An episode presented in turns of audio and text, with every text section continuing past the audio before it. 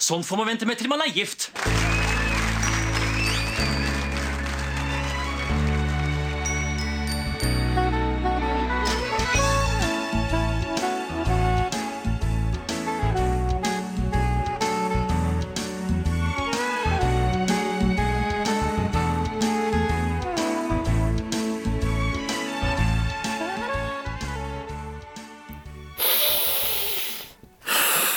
Hallo, velkommen til en ny episode av Norsk film filmpodkast. Podkasten hvor vi ser norsk film med et kritisk, men kjærlig blikk. Mitt navn er Emil. Jeg sitter her som alltid med. Stefan heter jeg.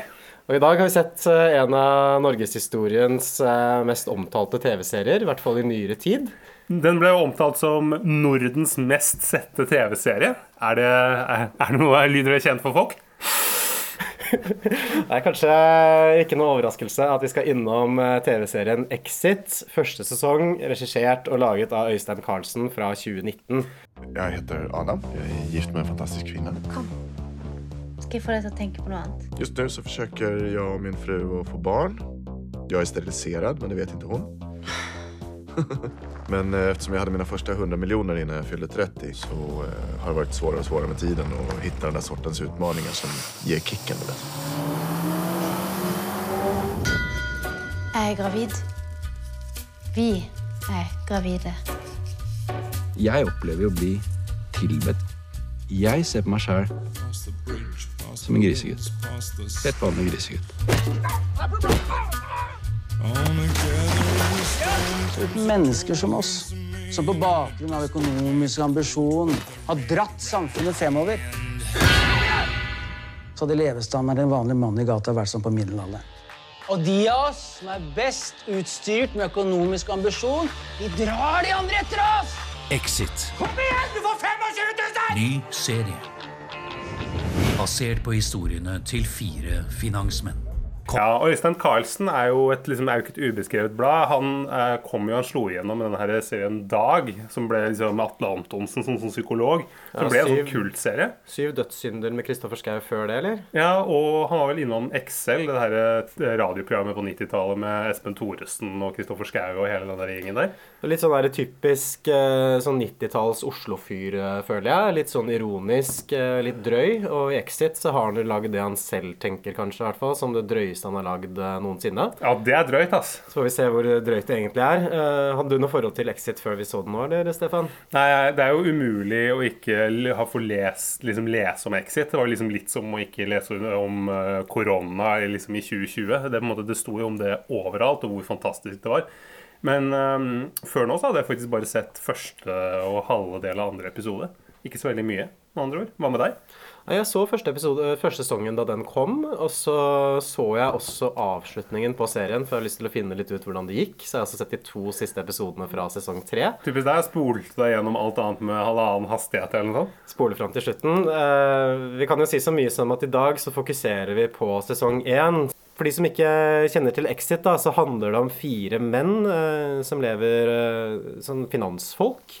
Vet ikke hva stillingstitlene blir. Ja. Det blir vel sånn CEOs, redere, investorer. Aksjemeglere, er det det? aksjemeglere i Oslo.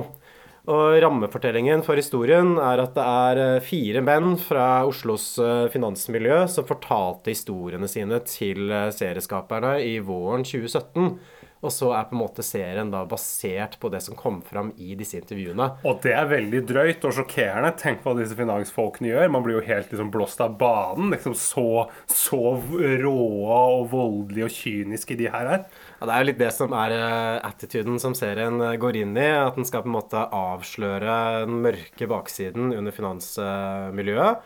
Det tyder eh, på at finansfolk kanskje ikke er de englegutta som det vi har eh, trodd de er. De som bygger, bygger verdier i Norge og opptatt av å skape arbeidsplasser og, Nei, og de, sånne ting. de er glad i litt rus, de er glad i litt uh, prostituerte, de er glad i litt overskridelser, rett og slett. Og serien følger da disse fire mennene.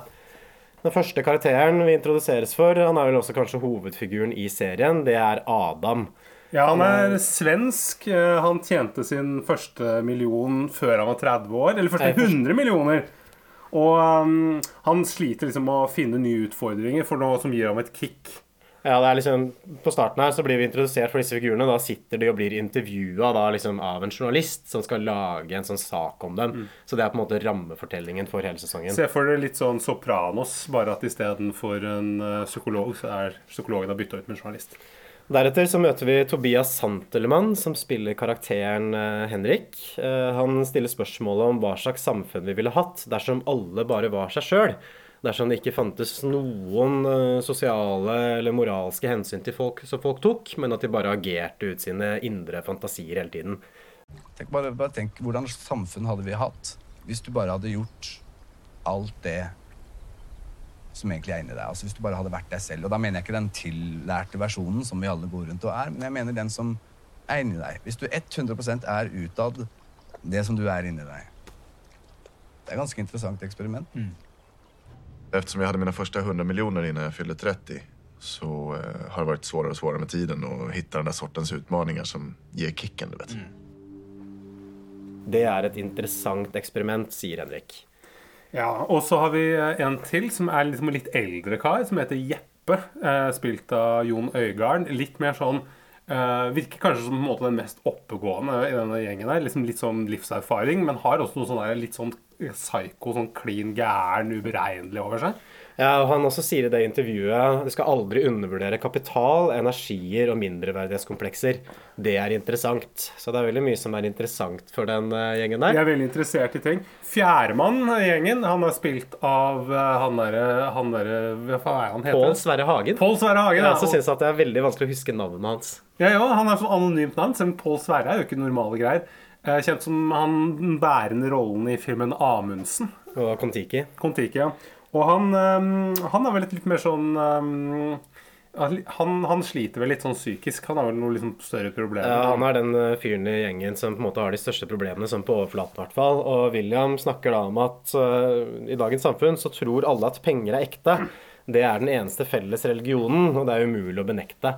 Så er det en slags sånn parafrasering av Karl Marx, egentlig, som også beskrev økonomien som en slags religion. Det er noe for deg. Da ble du glad da du hørte det her. Da ble jeg glad, men det jo også, sier jo kanskje litt om seriens intellektuelle nivå. da, At den framstiller ideer fra 1840-tallet som skulle vært noe revolusjonerende nytt. Og det er liksom, de, de legger inn sånn, liksom, sånn stille sånn pauser etter dette her. Som at det er liksom, dette, er- her må vi grunne litt. Dette må vi tenke over. Dette har vi ikke hørt før, nei. Eh, Det er veldig intellektuelt, dette her. Det er en intellektuell gjeng, uten tvil. Og serien begynner på en måte for alvor, da. At vi drar hjem til Adam, altså denne svensken. Han bor i en eh, fin villa med en fin espressomaskin og en fin eh, kone, spilt av Agnes Kittelsen. Ja, og dette er, en, eh, dette er liksom en karakter som skiller seg litt fra de her gutta. Ganske eh, ganske svak, altså en måte svak person, på en måte som blir manipulert både av liksom sin mann, som er Adam, og av mora si, som gir henne litt dårlig samvittighet for at du ikke har barn og ja, Ja. ganske mye annet, egentlig. Mye liksom sammenligner henne med andre som måtte ha nådd lenger. Og, og hun, i sin tid så studerte hun psykologi fordi du skulle bli psykolog, men datt av studiet da, da hun møtte han her Adam og ble sånn hjem hemmafru. Litt sånn som Tina Tina Bettina The Movie 2. Hun også studerte vel psykologi, gjør hun ikke det? For hun droppa ut for å være Det er typisk, liksom, housewife. typisk de der eh, flinke jentene med perleøredobber at, at de gjør sånt. da. Ja, Adam eh, ringer inn til Hermine og sier at han må jobbe seint. Eh, Det er en løgn, fordi egentlig skal han ligge med prostituerte og ta kokain med Henrik, det er det Tobias Santelmann. Og her har vi liksom første sånn skikkelig drøye scenen i serien. Eh, vi ser at eh, Henrik sitter på sofaen, driver og tar noe kokain og drikker noe sprit osv., mens Adam er inne på et rom og ligger med hun prostituerte. Og så tar eh, Tobias Santelmann Han tar vel noe sånn der flytende Viagra eller noe Ja. sånt. Jeg har ikke vært borti det før, ja, men er Du det, han får i hvert fall en helvetes uh, ereksjon, og så forsøker han liksom å komme seg inn der hvor Adam har sex med prostituerte, fordi han skal vel være med der, da. Og så lykkes ikke det, og da går han løs på døra med en kjøkkenkniv og ender opp med å skjære en prostituert i øret gjennom døra. Det er ganske er en sånn ekkel scene. Det er ganske skummelt når du plutselig bare ser den der kniven komme rett gjennom døra. Litt sånn der The Shining-stil. Ja. Og alt dette her gjør han jo splitter naken med da denne ereksjonen, eh, som er vel en propp, eh, så vidt jeg har skjønt, men det ser eh, ekte nok ut. Så dette her er vel den scenen som skal etablere liksom hvor mørk og ekstrem denne serien skal være. Ja, og det Og det er jo eh, etter den scenen her så får vi jo eh, den scenen som etablerer det her forholdet mellom Adam og Agnes Kittelsen. Hermine, Hermine, heter, hvor hun er eh, hjemme hos mora si, som, på en måte er, som er spilt av Lise Fjelstad, i en sånn liksom, fin villa på Frogner et eller annet sted. Og mm, hvor mora da gir Agne, eh, Agnes Kittelsen dårlig samvittighet for at hun ikke har fått noe barn med Adam. Hun kjører en sånn der ganske sånn manipulativ greie. At hun forteller at ja, jeg traff jo hun gamle venninna di. eh, Hun er ferdig med studiene, hun da. Selv om du hadde jo bedre karakterer enn henne, men hun fullførte. Og så går hun liksom videre til å snakke om at uh, Man kan få mongloide barn når man venter etter, til man liksom er ute i 30-åra med å få dem. Ja, og Adam kan jo åpenbart ikke fordra denne svigermora. Med ganske god grunn, egentlig. Jeg leste forresten her et sted at man kan få mongloide barn dersom man venter for langt inn i 30-årene.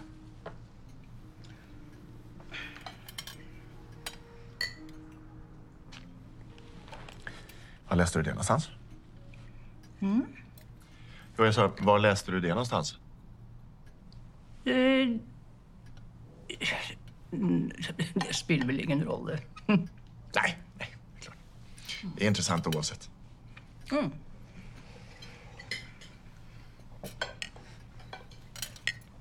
Jeg bare undrade om det var en medicinsk journal eller så. Eller Se og Hør. Nei, nei, nei, nei.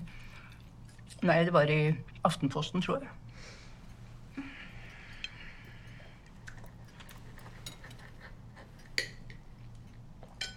Jag bara tänkte... eh, Du var väl 39 när du fick Hermine? Var du inte det?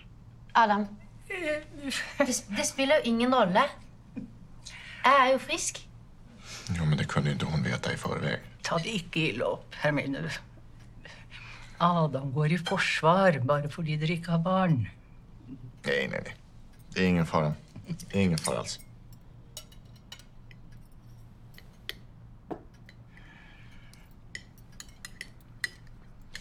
Jag bara undrade om det var så att du spelade genetisk rysk roulette alldeles medvetet.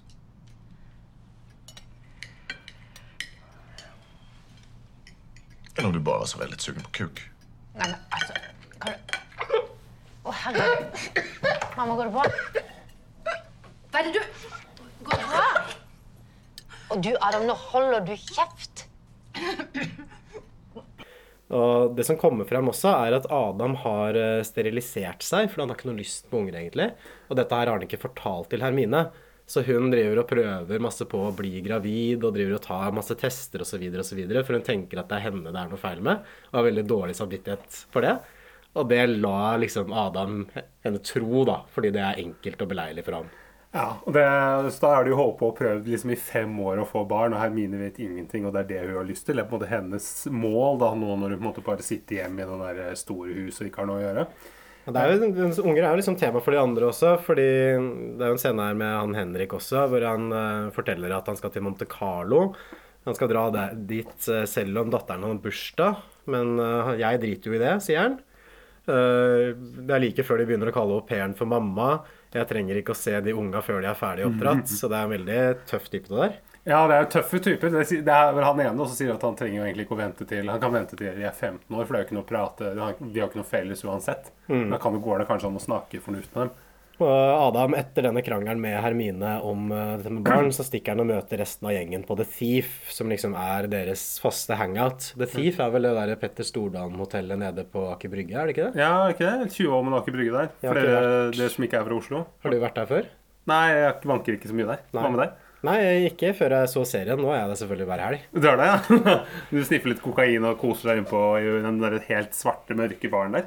Og det er ikke liksom, det er ikke det høyeste nivået på samtalen deres, for det handler om hvorvidt Adam og Jeppe har ligget med en kortvokst person før. Og det kortvokst person, det er mitt ord, det er ikke ordet de bruker.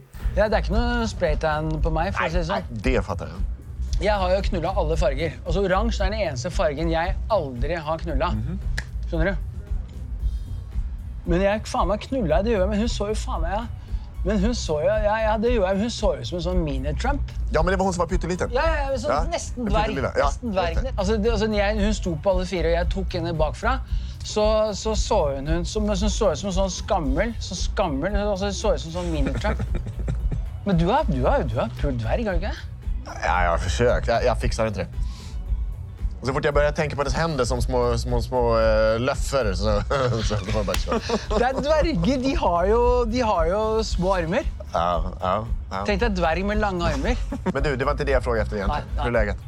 Nei, for du er en sånn politisk korrekt eh, woke-type, så du bruker ikke sånne ord. Nei. Og på, på vei hjem så slår også Jeppe ned en sånn random fyr.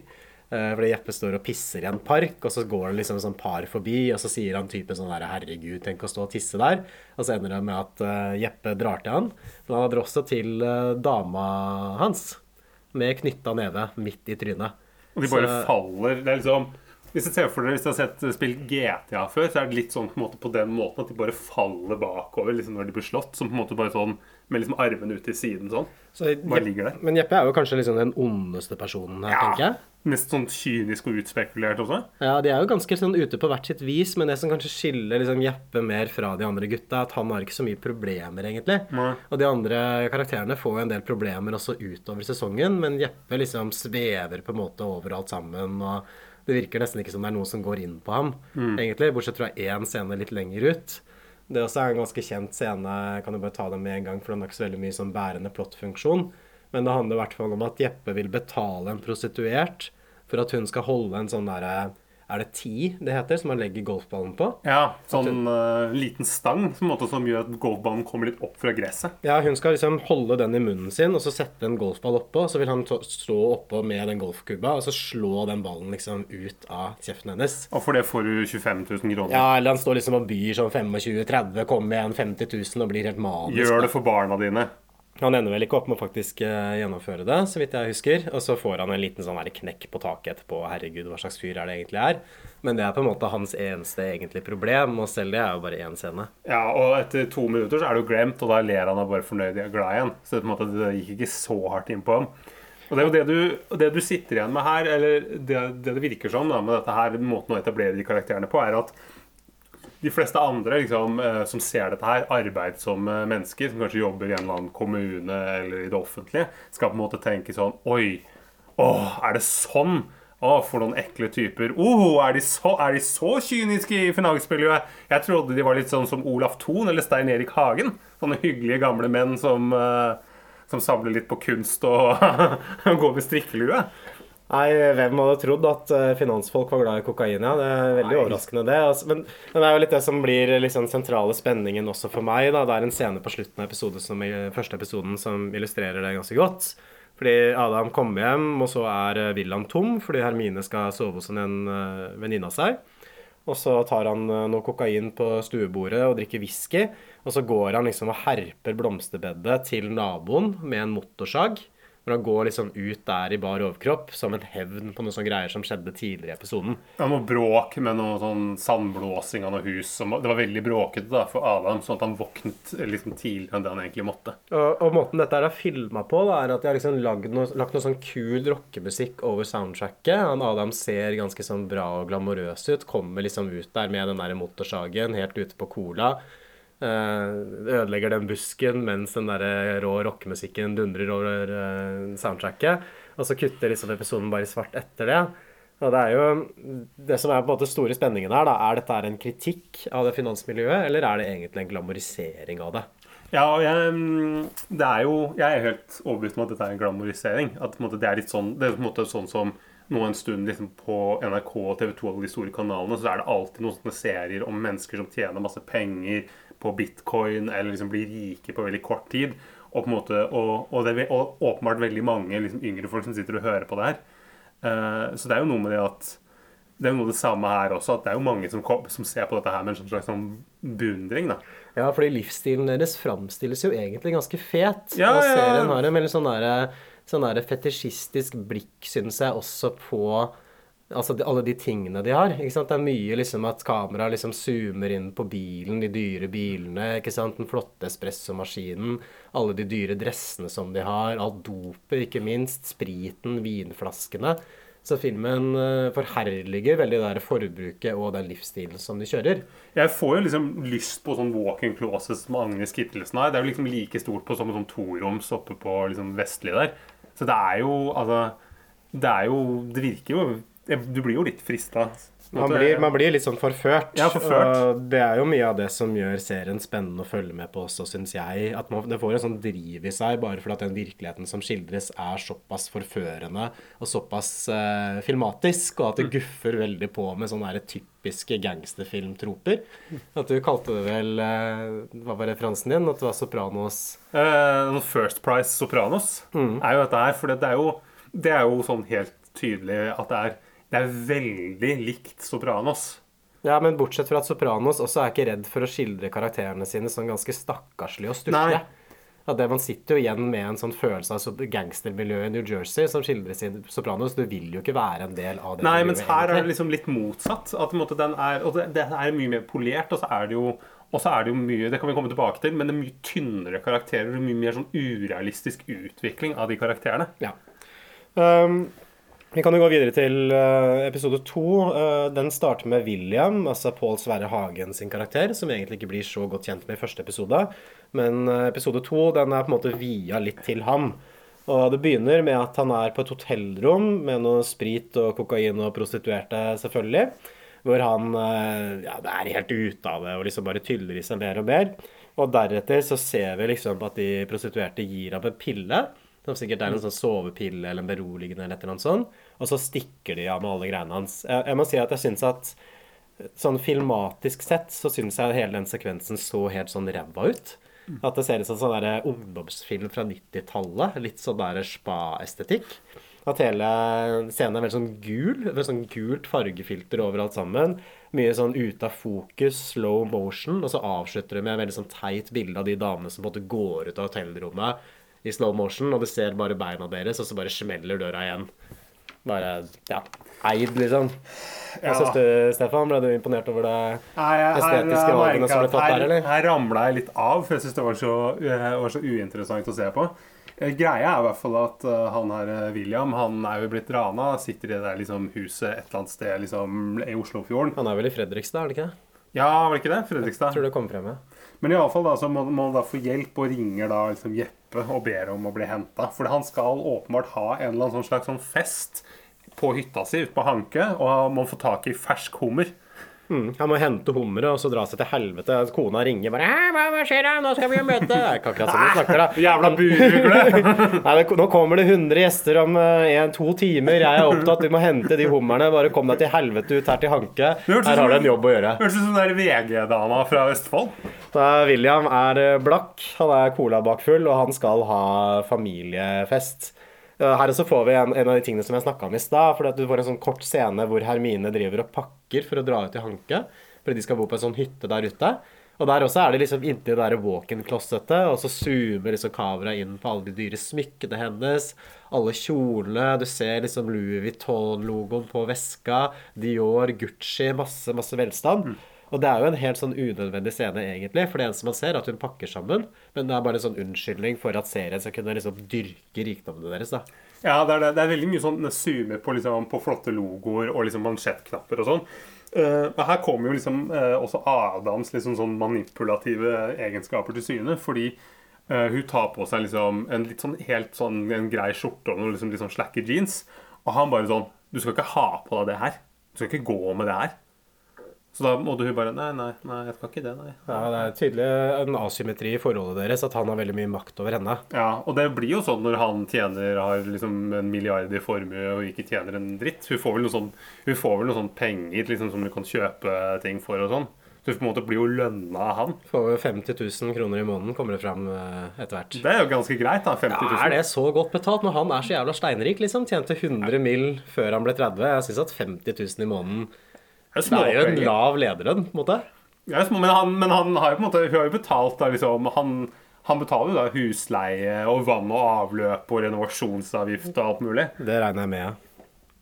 Um, Hermine har også lyst til å ta opp studien igjen, gå tilbake igjen til eh, psykologien. Og det er jo selvsagt også noe som Adam ikke liker. Og det han gjør nå, da, som er litt sånn smart, egentlig, er å liksom snakke sånn Ja, men du snakka om å få barn. Hvordan kan du kombinere barna med studien?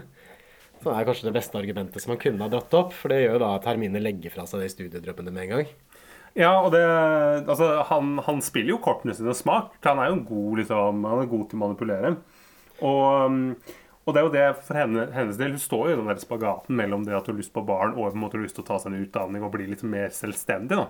Hun har jo lyst på noe annet enn det livet Ja. hun har nå. eh, Uansett om det er barn eller utdanning eller eh, Det er jo ikke så farlig. Bare Men det vel- utvikle seg litt. Det er jo litt sånn underbevisst at hun forsøker å komme seg bort fra Adam på en eller annen måte. da, At hun skjønner nok eh, innerst inne at et eller annet er feil. Mens alt dette her skjer, så møter Jeppe William, og så drar de for å kjøpe hummer av Anders Bosmo Christiansen. Eh, her har du en litt sånn morsom scene, i anførselstegn, hvor Kjempegøy. Anders Båsmo Christiansen forteller at han hadde en bror som hang seg, og så kom han liksom inn, og så var det Fix You og Coldplay som sto og spilte på anlegget. Og da klarer jo selvfølgelig ikke serieskaperen å dy seg. De må legge på en liten snutt av Fix You over bildet av William som kjører liksom over Oslofjorden på vei til jævlig fet cabin cruiser til den der kule hytta si på Hankø. Så det er ganske harry stil. altså Det er mye dårlige valg her, syns jeg. Men, men har du tenkt på det? Jeg synes alltid sånn rike mennesker har veldig sånn harry stil. Det er liksom veldig mye sånne svarte klær. Liksom, det er. Og sånne merkeklær er veldig stygt. Ja, er her er, men her er kanskje litt sånn der problemet for meg. Da, for jeg tenker sånn at Hvis liksom denne gjengen skulle lagd en serie om seg sjøl, så tror jeg at den hadde sett ganske lik ut Ja, som Exit. Helt enig. Mens Sopranos, det er jo ikke sånn Hvis Tony Soprano skulle lagd en serie om sitt eget liv, så ville jo ikke den settes som Sopranos. Nei. For der er det en sånn avstand i formspråket også, fra hvordan liksom de Sopranos-folka har lyst til å være, og hvordan de egentlig er. Ja, for det, jeg er helt overbevist om at det er veldig mange som ser den serien her, litt sånn som du er inne på, sånn finanstyper og sånn, og tenker sånn Faen, så rått og kule greier. Og så syns jeg det er litt sånn, kanskje litt sjokkerende med noen av de der scenene med de horene og sånn. og All den kokainen som de snorter. eh, Men at det, ellers at de liksom syns det er fett, sånn som du sier. Ja, nettopp det. At det er et eller annet med seriens måte, filmatiske blikk som legger seg for tett på kanskje de der eh, estetiske idealene til de gutta sjøl. Og som gjør at, eh, at, den, måte, at den blir fryktelig ukritisk. Ja. Man, man, trenger jo ikke, man trenger jo ikke nødvendigvis å ha liksom, en sånn kommentatorstemme som driver og sier at eh, liksom, dette er feil og bla, bla, bla. Men det er på en måte bare Det er, no, det er jo noe som man har greid i Sopranos. Det er på en måte å, måte Vise det mer i formspråket. Ja, og gjøre det litt mer stakkarslig. Eller at serien har et eget blikk. Og når William skal ankomme denne festen, så finner vi også ut at han har ganske heftig angst, stakkar. Han må drikke nesten en hel sånn der liten flaske med vodka før han en gang kommer seg på festen. Ja, og, um, og når han kommer på festen, så holder han en sånn der jævlig rar tale som på en måte bare Ja, da, da, da har han jo tatt masse cola, og så kommer han liksom ut der. Så, så den talen skal nok være ganske dårlig, tror du ikke? Jo, men det, det er vel poenget. Den er, liksom, den er, den er jo, men det, det, er, det er jo poenget at den skal være dårlig. Liksom, at, at vi som seere skal sitte igjen med at det er han driter seg ut. Hei, hei. Hei, hei. Jeg ville bare reise meg og si at jeg, jeg, jeg, er, jeg er ganske rørt, altså. Eh, Celine, her har vi også fantastiske, vakre, deilige mennesker i vår hage. Det er din fortjeneste. Jeg elsker deg. Eh, alle vet at det er du som er det sosiale geniet blant oss to. Jeg er med i lommeboka, kan du si. Fet og tung lommebok, riktignok, men eh, Så er det en liten ting som jeg har tenkt på, som jeg vil ta opp. Eh, og det er jo at En ting som vi har til felles her, veldig mange av oss, det er jo at vi jobber jævlig mye. Jævlig mye. Og jeg må innrømme det at uh, i det siste så har jeg, jeg har begynt å spørre meg hvorfor. og begynner å tenke på sånne ting, da gjelder det å prøve å leite etter svar. Og jeg har gjort det, da. eh, Et års tid. Eh, Da finner du ting. Jeg har lyst til å dele en liten ting som jeg har funnet, som jeg har tenkt en del på. The arc of the moral universe is long, but it bends towards justice. Halla, kommer dere òg. Akkurat i tide. Og det er litt interessant, ikke sant? For hvis det er sånn at sluttproduktet er rettferdighet, så er det kanskje en god idé å leve livet sitt på en sånn måte at rettferdighet er noe du har lyst på, ikke omvendt. Hvis du ikke har vært snill gutt, så er ikke justice det du er ute etter, for å si det sånn. Det er ikke noe mer mellom oss og avgrunnen enn oss. Det er ikke noe mer som stopper det. Ikke faen, liksom. Oh, det blir mye prating. Jeg vil jo bare reise meg opp si at jeg elsker dere. Og vi bidrar jo. Herregud. Vi bidrar jo til en bedre verden, vi. Nyter livet, nyter kvelden, nyter hverandre. Celine og jeg, vi skal gjøre alt vi kan for å gi dere, hver enkelt av dere, en jævlig fin kveld. En jævlig fin fest. Takk for meg. Velkommen hit. Så får vi også et innklipp her fra dette intervjuet med William, hvor han eh, snakker om at kapitalisme er egentlig en veldig individualistisk politisk tankegang. Men grunnen til at kapitalismen fungerer, er at folk tror at det handler om egne ønsker og behov. Her kommer også den one-lineren om at penger er en religion en gang til, så den var åpenbart såpass god, tenkte Carlsen, at de ikke kunne bruke den bare én gang. Og William sier det at han opplever å bli tilbedt som en prest, at folk ser så opp til ham. Uh, men han er jo bare en helt vanlig grisegutt. Når han, når han kommer til festen, da, så møter William en ganske sånn provoserende type. Litt sånn fiende av han, egentlig, som dessverre har blitt invitert dit. Er en, en sånn liten, uh, tjukk fyr med caps og sånne store solbriller som måte absolutt skal prate med ham hele tida. Liksom, vi skal ja, diskutere noe, har et opplegg som du kan være med på, kan ha tjene store penger. Og du skjønner jo ut ifra liksom, den fyren her med liksom sånn hengemage og hawaiiskjorte at han på en måte Han er ikke det er ikke han som kommer til å gjøre deg rik. Han er en teit fyr, ikke sant? Sånn der parasitt, kanskje, som bare egler seg inn på disse mer vellykka typene og ja. Ja, Som syns det er kult å være sammen med de store gutta, men som aldri blir en av dem. Men det som er interessant, er jo at filmens blikk på han derre feiten i hvite dressen den er, jo, den er jo ganske likt liksom det blikket som William har. For man får ikke inntrykk av at dette her er en sympatisk type som William på en måte mishandler litt eller gjør noe negativt mot. Man føler jo liksom at den der fordervelsen eller den irritasjonen er veldig berettiga. Ja, For du er jo på Williams side når William til slutt banker av med en sånn åre. Ja, det er liksom det som skjer etter hvert. da, At de, de begynner å slåss, og så da også finner liksom William fram den der åra. Og så begynner, da, da tar så serieskaperen og kjører på en sånn kul låt av Nick Cave, den Red Right Hand på soundtracket. Mens liksom William driver og dæljer løs på han fyren. da. Så igjen som veldig sånn glamoriserende. Jeg tenker sånn, Hvis man hadde hatt den scenen bare uten noe musikk, så ville det jo framstått så mye mer brutalt. Men det er et eller annet med at de legger på den der rockelåta som tar litt sånn brodden, egentlig, av, av scenen. Og I hvert fall den volden som man ser. Og så får man liksom, man sitter og tenker at det er litt sånn kult, egentlig. Ja, det, er liksom en musikk, det blir som musikkvideo, liksom. At på en måte, dette, er jo ikke, dette er ikke ekte. Nei, og Jeppe tar også ansvar, og så avslutter han egentlig bare festen. Og vi får bare ta med seg noe hummer og champagne og ha et godt, uh, godt, sang, godt nachspiel et annet sted. Ja, kjære alle sammen. Dette tok dessverre en, eh, en eh, brå slutt. Eh, Jeg kan på vegne av vertskapet takke for i dag. Jeg håper at alle vil fortsette festen fremover. Det er mer mat og drikke. Og vær så god, forsyn dere med hummer, vin og arranger et hyggelig nachspiel.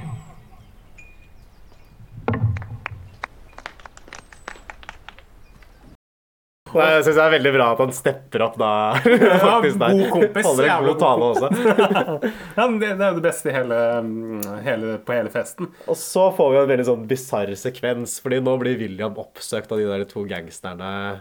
Ja, Stevan. for det er to gangstere. Det er en med sånn det er, De er åpenbart østeuropeere. Sånn, det er, det er de alltid liksom, i norsk film. En sånn skinna bola og en med sånn hestehale som ser litt nesten sånn androgyn ut. Ja, en liten sånn ond type med hansker og Ja, litt sånn mohaha med sånn veldig lange fingre og sånn. hvit hestehale. Litt sånn Jahn Teigen, på en måte. Hvis dere, liksom Jahn Teigen liksom, når han ble litt eldre. Eh, og de, de presser ham for penger, eller de er på en måte torpedoer, fordi at han, han William sliter jo åpenbart med økonomien. Han, han måte, Skylder åpenbart masse penger, da. ja, han måtte belånt hus og hytte og allting. Men det kan vi jo si kanskje allerede nå, fordi disse to gangsterne kommer det fram utover serien at det er bare en hallusinasjon som William har. At de Ja. er ikke reelle.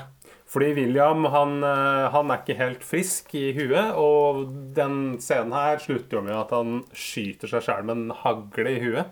Men hva kan vi Men bare- overlever. Han får bare et litt Hva? sånn sår på kinnet. Ja, bare Så sånn det lurer jeg på, sånn- Er det mulig hvis du tar en hagle i kjeften og trekker av? Kan man overleve det? For den sprer jo kulene Det var kanskje rifla, da? Men ja, likevel. kanskje det, men likevel. Jeg skjønner heller ikke det. Men det kan jo være at han sikter såpass liksom skjevt ut, da, så den kommer liksom ut på siden av kjeften hans. Kanskje bare var et rop om hjelp, egentlig? Ja, men resten av serien så ser vi i hvert fall at han går rundt med sånn der svært hvitt plaster da, på siden av ansiktet sitt. Ja. Så dette her etablerer jo Nå har, på en måte de to viktigste plottlinjene i serien blitt litt etablert. På den ene siden så har du problemene til William om uh, dette rusmisbruket og pengeproblemer og galskapen. Og den andre konfliktlinjen er dette med Adam og Hermine angående om det om barn, egentlig. Ja, uh, og det er det, er, det er det som er spennende, og det er det vi fortsetter med. Så kan vi kanskje gå litt sånn kjapt gjennom resten av sesongen, eller? Fordi det som skjer liksom Det viktigste som skjer i mellomtiden, er egentlig det at uh, Tobias uh, Santelmann, altså Henriks, smeller Hermine på tjukka på dassen på The Thief. Ja. Fordi hun finner ut at Adam egentlig er sterilisert. Og så ligger hun da med Henrik som en slags straff for Adam og blir gravid. Og Adam vet jo at det ikke kan være hennes barn, ikke sant? men han veit ikke at hun ikke vet at hun vet at han er steril. Ja, så han tenker jo at Nå, nå har jo på en måte han et slags bevis da, for at hun har vært utro. For det kan jo ikke være han som har levert dette barnet. Det som skjer etter hvert også, da, ikke sant, er at uh, Henrik skal ha et bryllup, uh, skal gifte seg med dama si, og da klikker det rett og slett litt for Adam. Uh, han, er, han, er klik, han er voldelig mot en fyr som han mistenker for å være han personen som har smelt Hermine på tjukket. Men som viser som altså er veldig bra, som viser seg at han er homofil. Så gjett på de gutta bare 'Han er homo! Slapp av! Han er homo!' Da kan det ikke være han. Han kan ikke være bi eller noe sånt. Det er på en måte ikke mulig. Og det var liksom sånn man skulle etablere at nei, han kan hvert fall ikke ha gjort det. Han er homo! Så synd at, han, at Adam ikke hørte det før, da. At han ikke visste det. Det er det beste alibi, det. Altså, når, når de kommer hjem også, Adam og Hermine, så er eh, Adam er liksom voldelig mot Hermine, og så smeller det inn i veggen og sånn. Og så tar Hermine og kaster seg ned trappa, liksom med vilje, for at hun skal prøve å liksom få på planen hennes at hun skal frame Adam da for liksom å ha banka henne opp.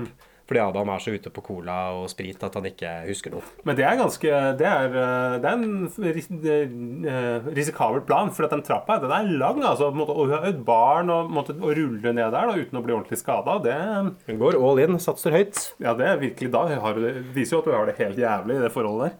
Og Adam våkner da dagen etter med tidenes uh, fylleangst, selvfølgelig. Hermine er borte. Adam får ikke tak i henne. Han husker ikke helt hva som har skjedd. Og um, Hermine er hos eh, psykologen, som hun også er en del eh, gjennom serien, egentlig. Og nå kommer det fram det at hun begynner å få litt sånn tak på ham, da. ikke sant? At den karakteren er kanskje det som utvikler seg mest i løpet av sesongen. Fra den nokså underkua trofékoden som vi møter på starten av sesongen, til eh, der hvor hun ender opp. og At hun liksom skjønner liksom hvor kjip Adam er, og at hun må gjøre det det koster da, for å komme seg løs fra ham. Veldig realistisk eh, karakterutvikling, liksom. Å gå på en måte fra en sånn dørmatte til eh, Ja. Er du ironisk nå? Ja. Ja. Jeg, jeg, jeg, jeg kjøper ikke den Nei, det skjer jo kanskje litt vel kjapt, da, ikke sant? men det er jo tydelig på en måte at hun skal nok representere sånn seriens samvittighet eller et eller annet sånn. At hun er den hevnen eller den straffen som i hvert fall Adam får, da. Og den personen som tar liksom avstand fra dette miljøet. Ja. Øh... Men det som er interessant her, er jo hva, Hennes kritikk av Adam er jo liksom at han har ført henne bak lyset med dette her at At han har lurt henne til å tro at det er hunden som er noe bein med. Og det at han bruker litt mye rus. Men hun, hun kritiserer ham på, på en måte ikke liksom for noe som har med det at han er finansmann å gjøre. At han er en kynisk eh, jævel som, Som tjener penger på å ikke gjøre noe nyttig. Fordi det aksepterer hun litt. Og det er jo litt sånn generelt i serien. Alle de problemene som de folka har, er ikke noe som oppstår i kraft av yrkene deres, men det er sånne problemer som de har ved siden av.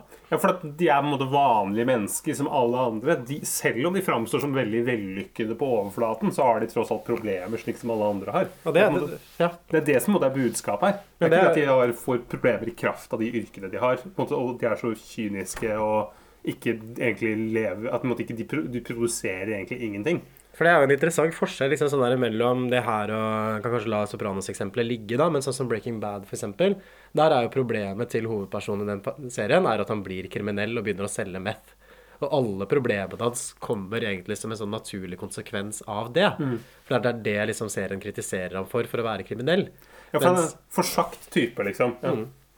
Men seriens kritikk av det finansmiljøet blir egentlig ganske overfladisk i Exit. For den bare kritiserer dem for at de på en måte er umoralske mennesker. Men det at de er, man får jo inntrykk av sånn her hvis det har vært en finansmann da, ikke sant, som var en god person, og kanskje brydde seg om kona og ikke drakk så mye, ikke tok så mye rus og ikke var så mye med prostituerte, så hadde det på en måte vært litt greit. Ja. Så da blir det ikke en kritikk av finans, egentlig. Det blir en kritikk av det å ruse seg og det å være egoistisk og føre og være kjip mot damer. Og det kan man jo godt kritisere folk for, men det hadde jo vært mer interessant gitt seriens miljø og seriens setting hvis det kanskje gikk litt dypere inn i yrkene deres, for det blir jo helt på siden her. Ja, og, og det er også veldig fascinerende at det er veldig lite finans og det de driver med vi ser. På en måte, det er ikke noen sånne handler hvor de på en måte er egoister eller kjipe eller legger ned liksom en eh, Eh, eller kjøper opp bedrifter og, så liksom, og legger dem ned og liksom, eh, setter masse flere tusen mennesker liksom, uten jobb og sånne ting. Det, måte, det ser vi ingenting til. Det er på en måte bare privatlivet deres.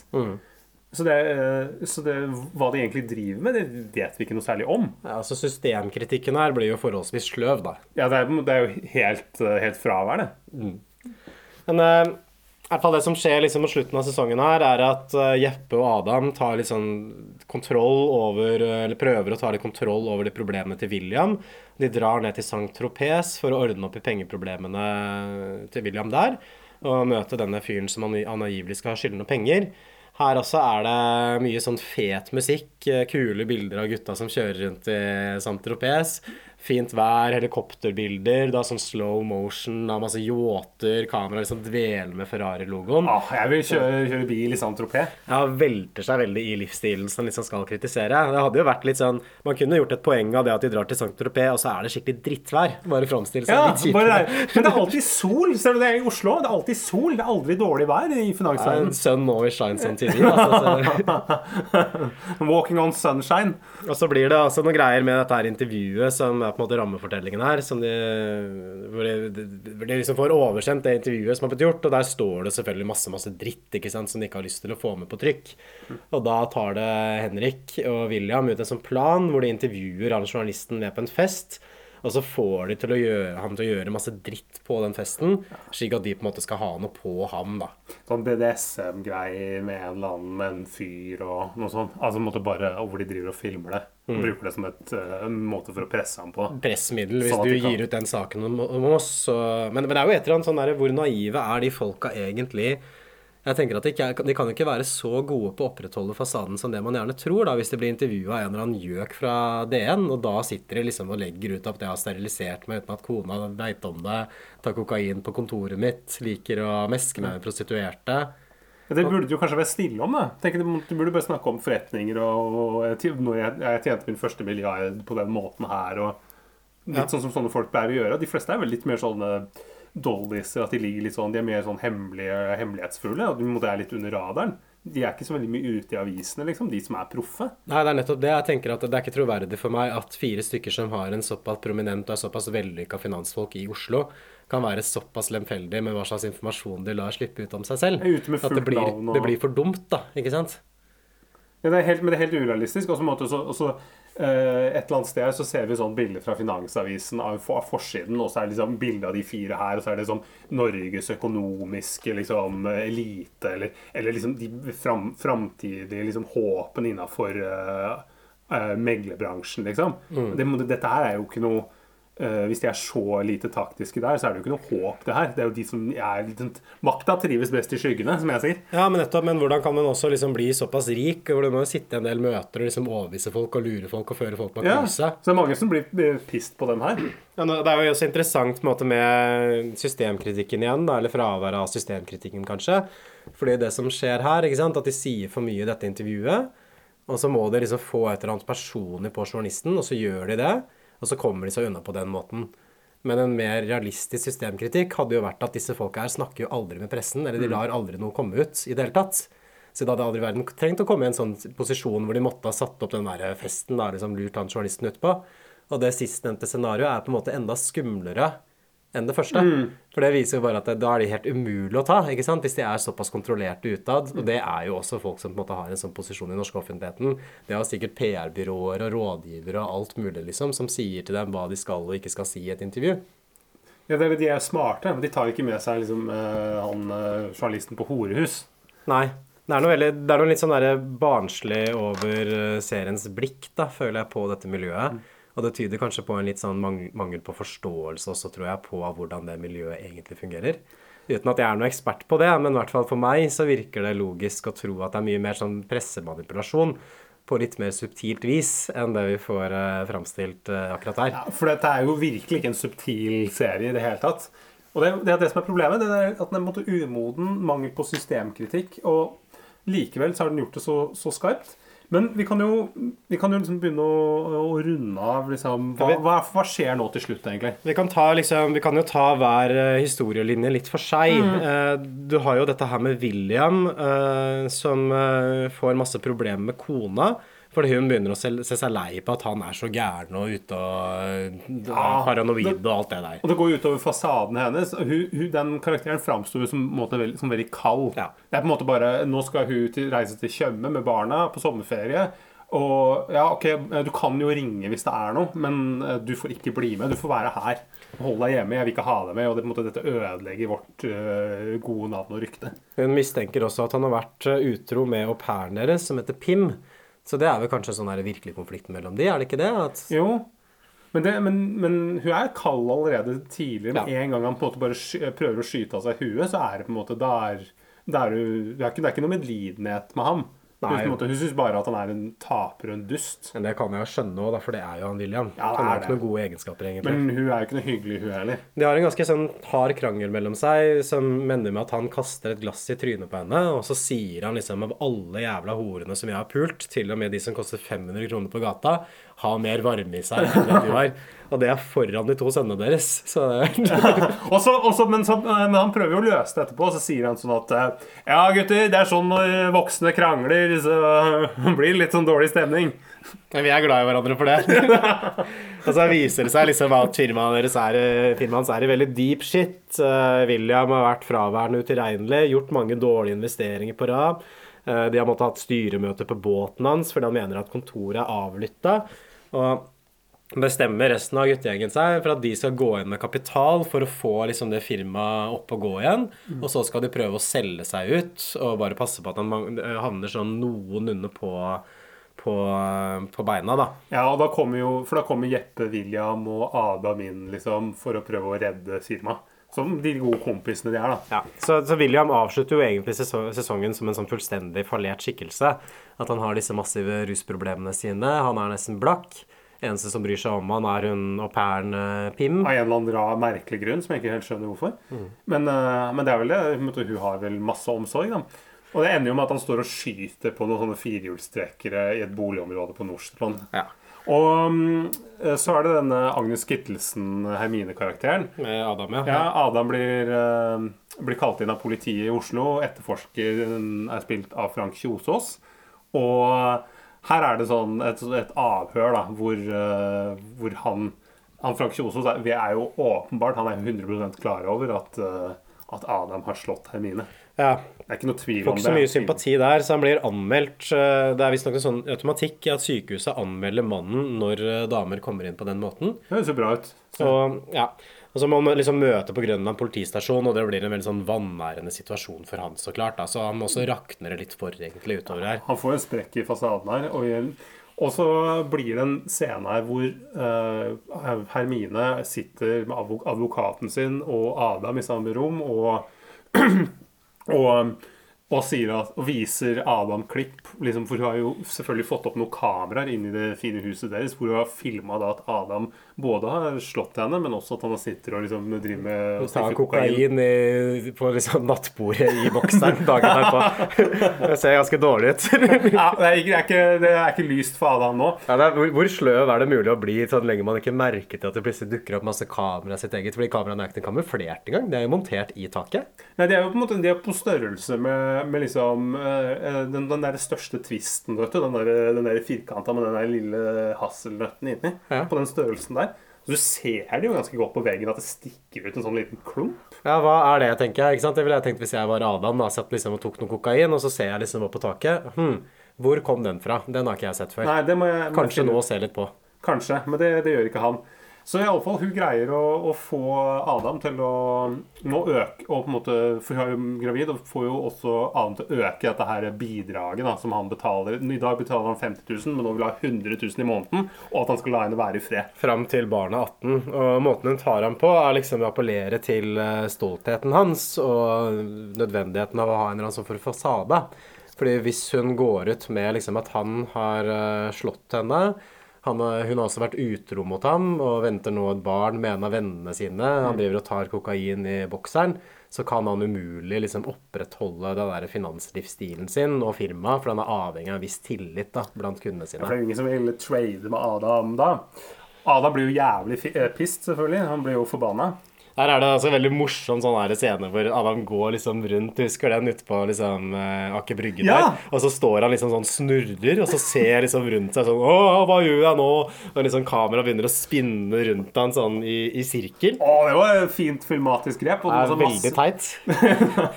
Masse fjonge folk i Armani-dresser og store mobiltelefoner. Så går som forbi, og så prøver de å få sånn blikkontakt, og de bare ser bort bare Oi, Å, det så kjent- det er så kaotisk. Her er alt så underlig. Og så er det lagt på det sånn veldig sånn teit sånn singer-songwriter-låt oppå, som er sånn der I lost control. Og det er jo en låt de bruker veldig mye. De bruker en sånn Leonard Cohen-låt hele tiden som sånn ja, avslutning. Sånn uh... Den er I want you want it dark, darker, ja. ja. For å gjøre det litt sånn uh, skummelt og Som er vel også litt sånn der hint til publikum. You want it darker. Ja, du ville ha se noen drøye ting, Ja, men bare vent.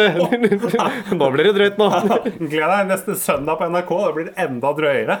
Og um, Adam finner også ut fra Henrik at det var Henrik som gjorde Kittelsen gravid. Uh, Henrik mener at det er vinn-vinn, egentlig, fordi Adam kommer seg til et dårlig forhold. Hermine får ikke noe retten fordi Adam kan si at du var utro, dette er ikke mitt barn. Og Henrik får ligge med Agnes Kittelsen. Jeg tror det er det som er hovedgrunnen. Han sier vinn, vinn, vinn, og så nevner han bare de to første tingene. Men den siste vinnen den må vel være litt sånn i tankene hans, da. Men Adam bare slår til ham og stikker. Ja, og um, Men de skværer jo opp etter hvert. da, De blir jo venner. Adam innser jo at uh, han uh, har jo faktisk gjort ham en tjeneste, og det er vinn-vinn, dette her. Ja, fordi sesongen avslutter med bare siste scenen er en annen scene også som jeg har lyst til å snakke om. Men aller siste scenen i sesongen er at eh, Adam inviterer liksom Henrik hjem til seg. Og så sitter de der og liksom tar kokain. Eh, Han Henrik sitter og geeker noe veldig på den kokainen. og åpenbart tatt for mye. Mens Adam driver og danser med en sånn prostituert og helt uh, mongo-full. da. Og Gjett hvem som ser det her på kameraet sitt. Det er jo Agnes Kittelsen som sitter og følger Hermine, med. selvfølgelig. Ja. Ja, For hun har jo ingenting å gjøre, for hun har fått sånn, sånn trist leilighet et eller annet sted. Mens. You Want It Darker spiller over soundtracket. er, det er mørkt, ass. Det er, det er skikkelig Åh, det er mørkt. da blir det mørkere nå. Da må jeg skru av. Ja, vi prøver jo ikke bruke virkemiddelet ironi i Norsk Filmfilmpodkast. Det står jo egentlig Vi- våre vi prøver på det, ja. Men det her, denne gangen her så var det fryktelig vanskelig, altså. Den siste scenen som jeg har lyst til å snakke om, den er også i siste episode. Og der holder Jeppe en tale for eh, styrerommet sitt, som er en sånn veldig blek kopi av den Greed is good-talen fra Wall Street. Har du sett den filmen, eller? Den første. Wall Street-filmen? Men den er jo den er bedre enn den Roof of Wall Street. i hvert fall. Men ja, det er, det er samme greiene, altså. Ja, fordi der også holder jo Michael Douglas og spiller Gordon Gekko en sånn tale hvor han argumenterer for at grådighet egentlig er bra. Fordi det er grådighet som driver mennesket videre til å på en måte pushe liksom mennesket, og pusher dermed også økonomien og resten av samfunnet framover. Så hvis det ikke hadde vært for kapitalistenes grådighet, så ville samfunnet bare stått stille. Og derfor er det moralsk riktig å tjene så mye penger som mulig. Og jeg kan klippe inn den talen til Jeppe, og så kan jeg kanskje klippe inn eh, den talen til Gordon Gekko, bare for å høre hvor likt The point is, ladies and gentlemen, that greed, for lack of a better word, is good. Greed is right. Greed works.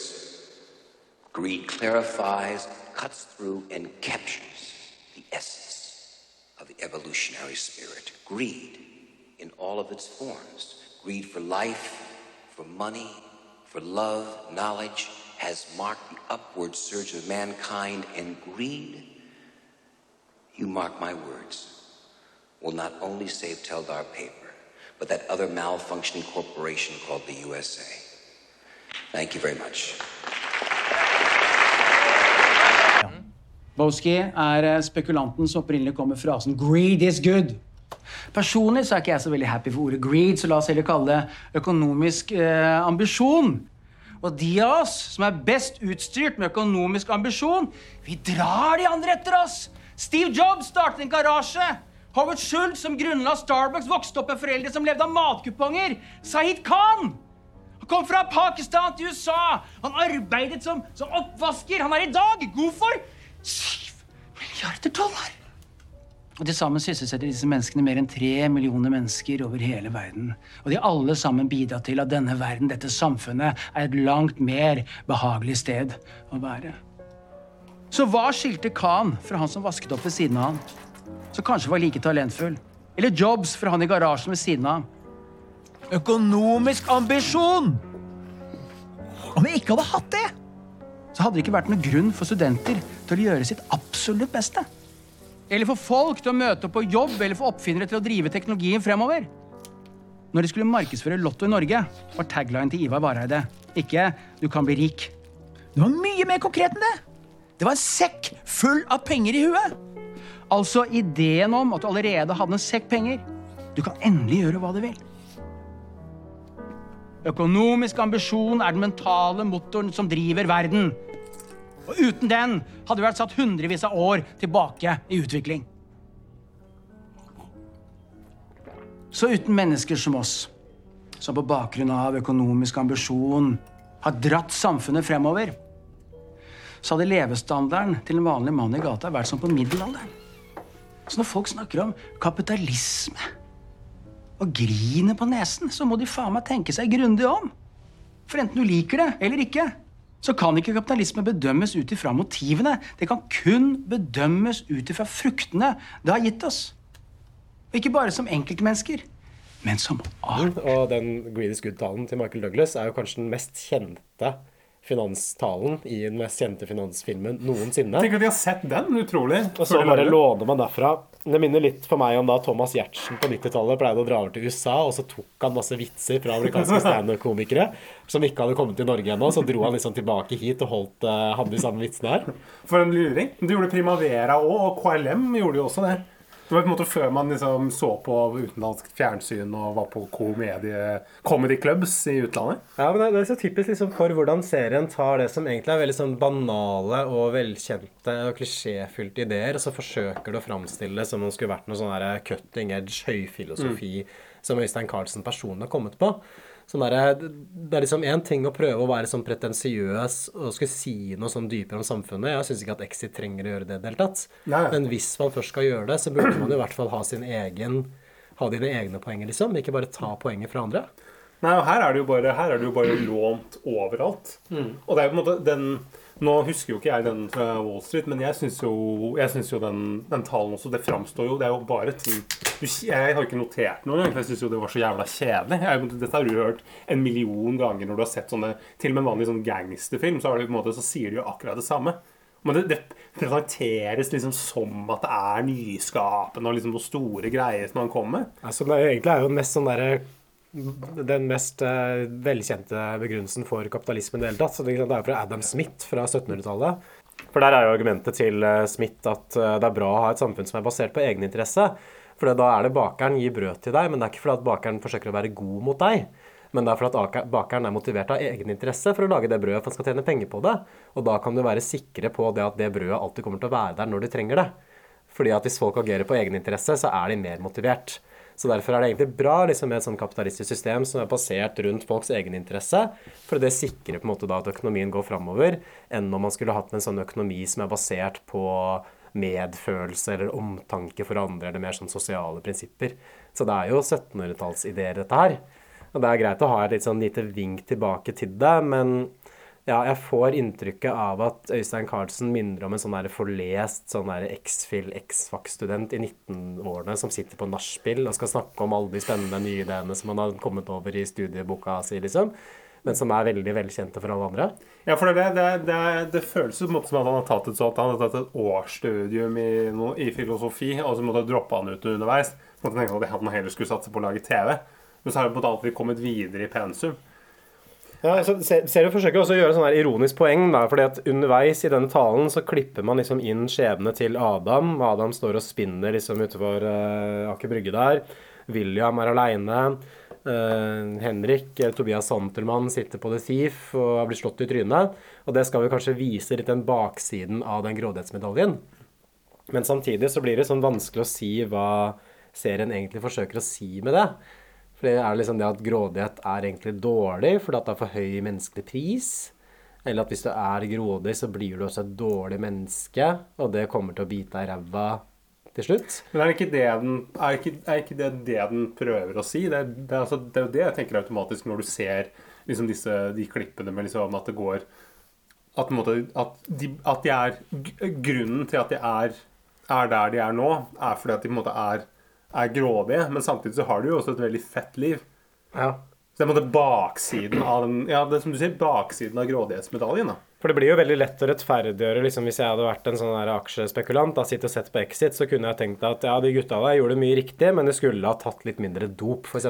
Ja, og- Eller skulle ikke vært så mye utro med damene sine. Ikke Eller skulle ikke spekulert feil. Men hvis jeg bare klarer å unngå å gjøre de feilene der, så kan jeg leve det livet. da, Så kan jeg bare på en måte få det gode med det livet som de har, uten å få det dårlige som det serien viser fram. Bare roe ned litt, ikke bli være så ekstrem. Det er nettopp det jeg liksom, tenker er liksom problemet med at det ikke er noe sånn systemisk kritikk her.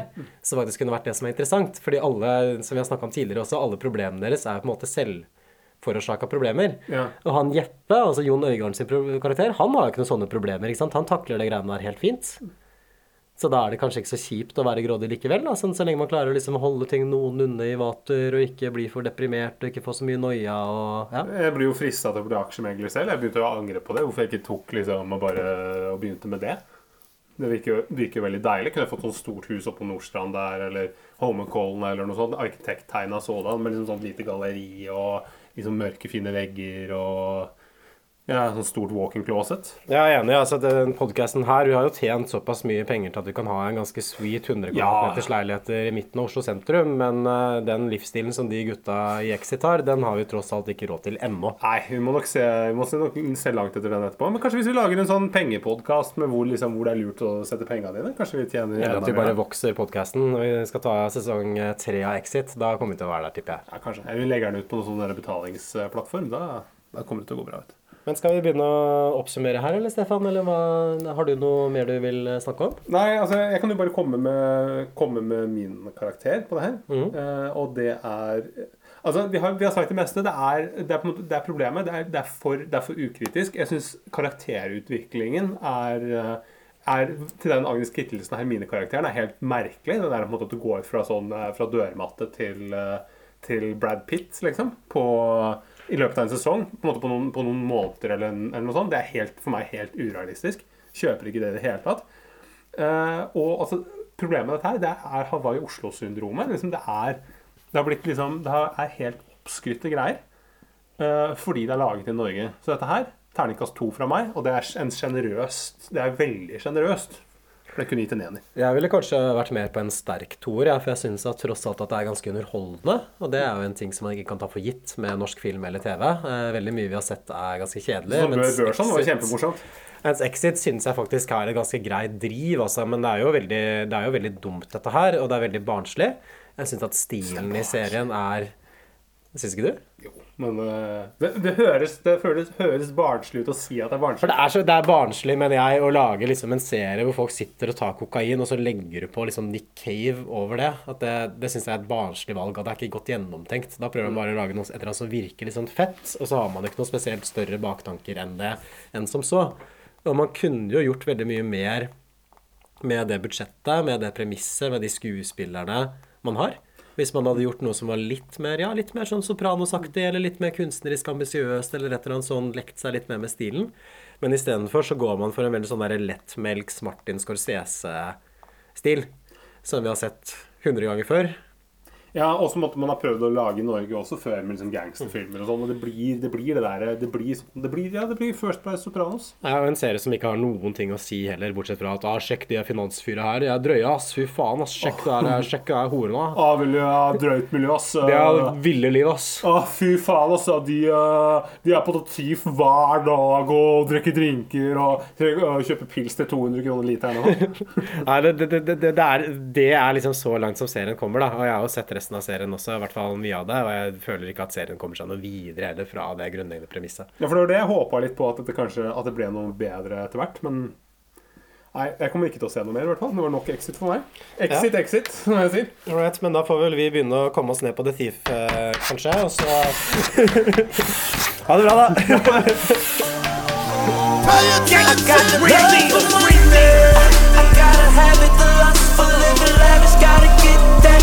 paper stacking. Love for Monday. I, I, I, I gotta have it in there. I, I, I, I got the love in. I gotta have it, the lust for living lavish. Gotta get that green paper stacking. Love for Monday. I, I, gotta Have it in there. I, I, I, I got the green paper stacking. Two women gotta Mr. Thanksgiving. I'll be somewhere fly, Thanksgiving going swimming. While you was wearing snorkels, I was out snorkeling, of course. I'm shitting on these niggas like porcelain. It's more than love with this money, I'm infatuated. Captivated by the diamonds, encapsulated. Shooting range in the basement, Olympic size pool, the pool table adjacent. I love me some money. I stash money, fast money, coming, I'm pumping them onions, bunking and crossing the country, so so don't cost me a mic.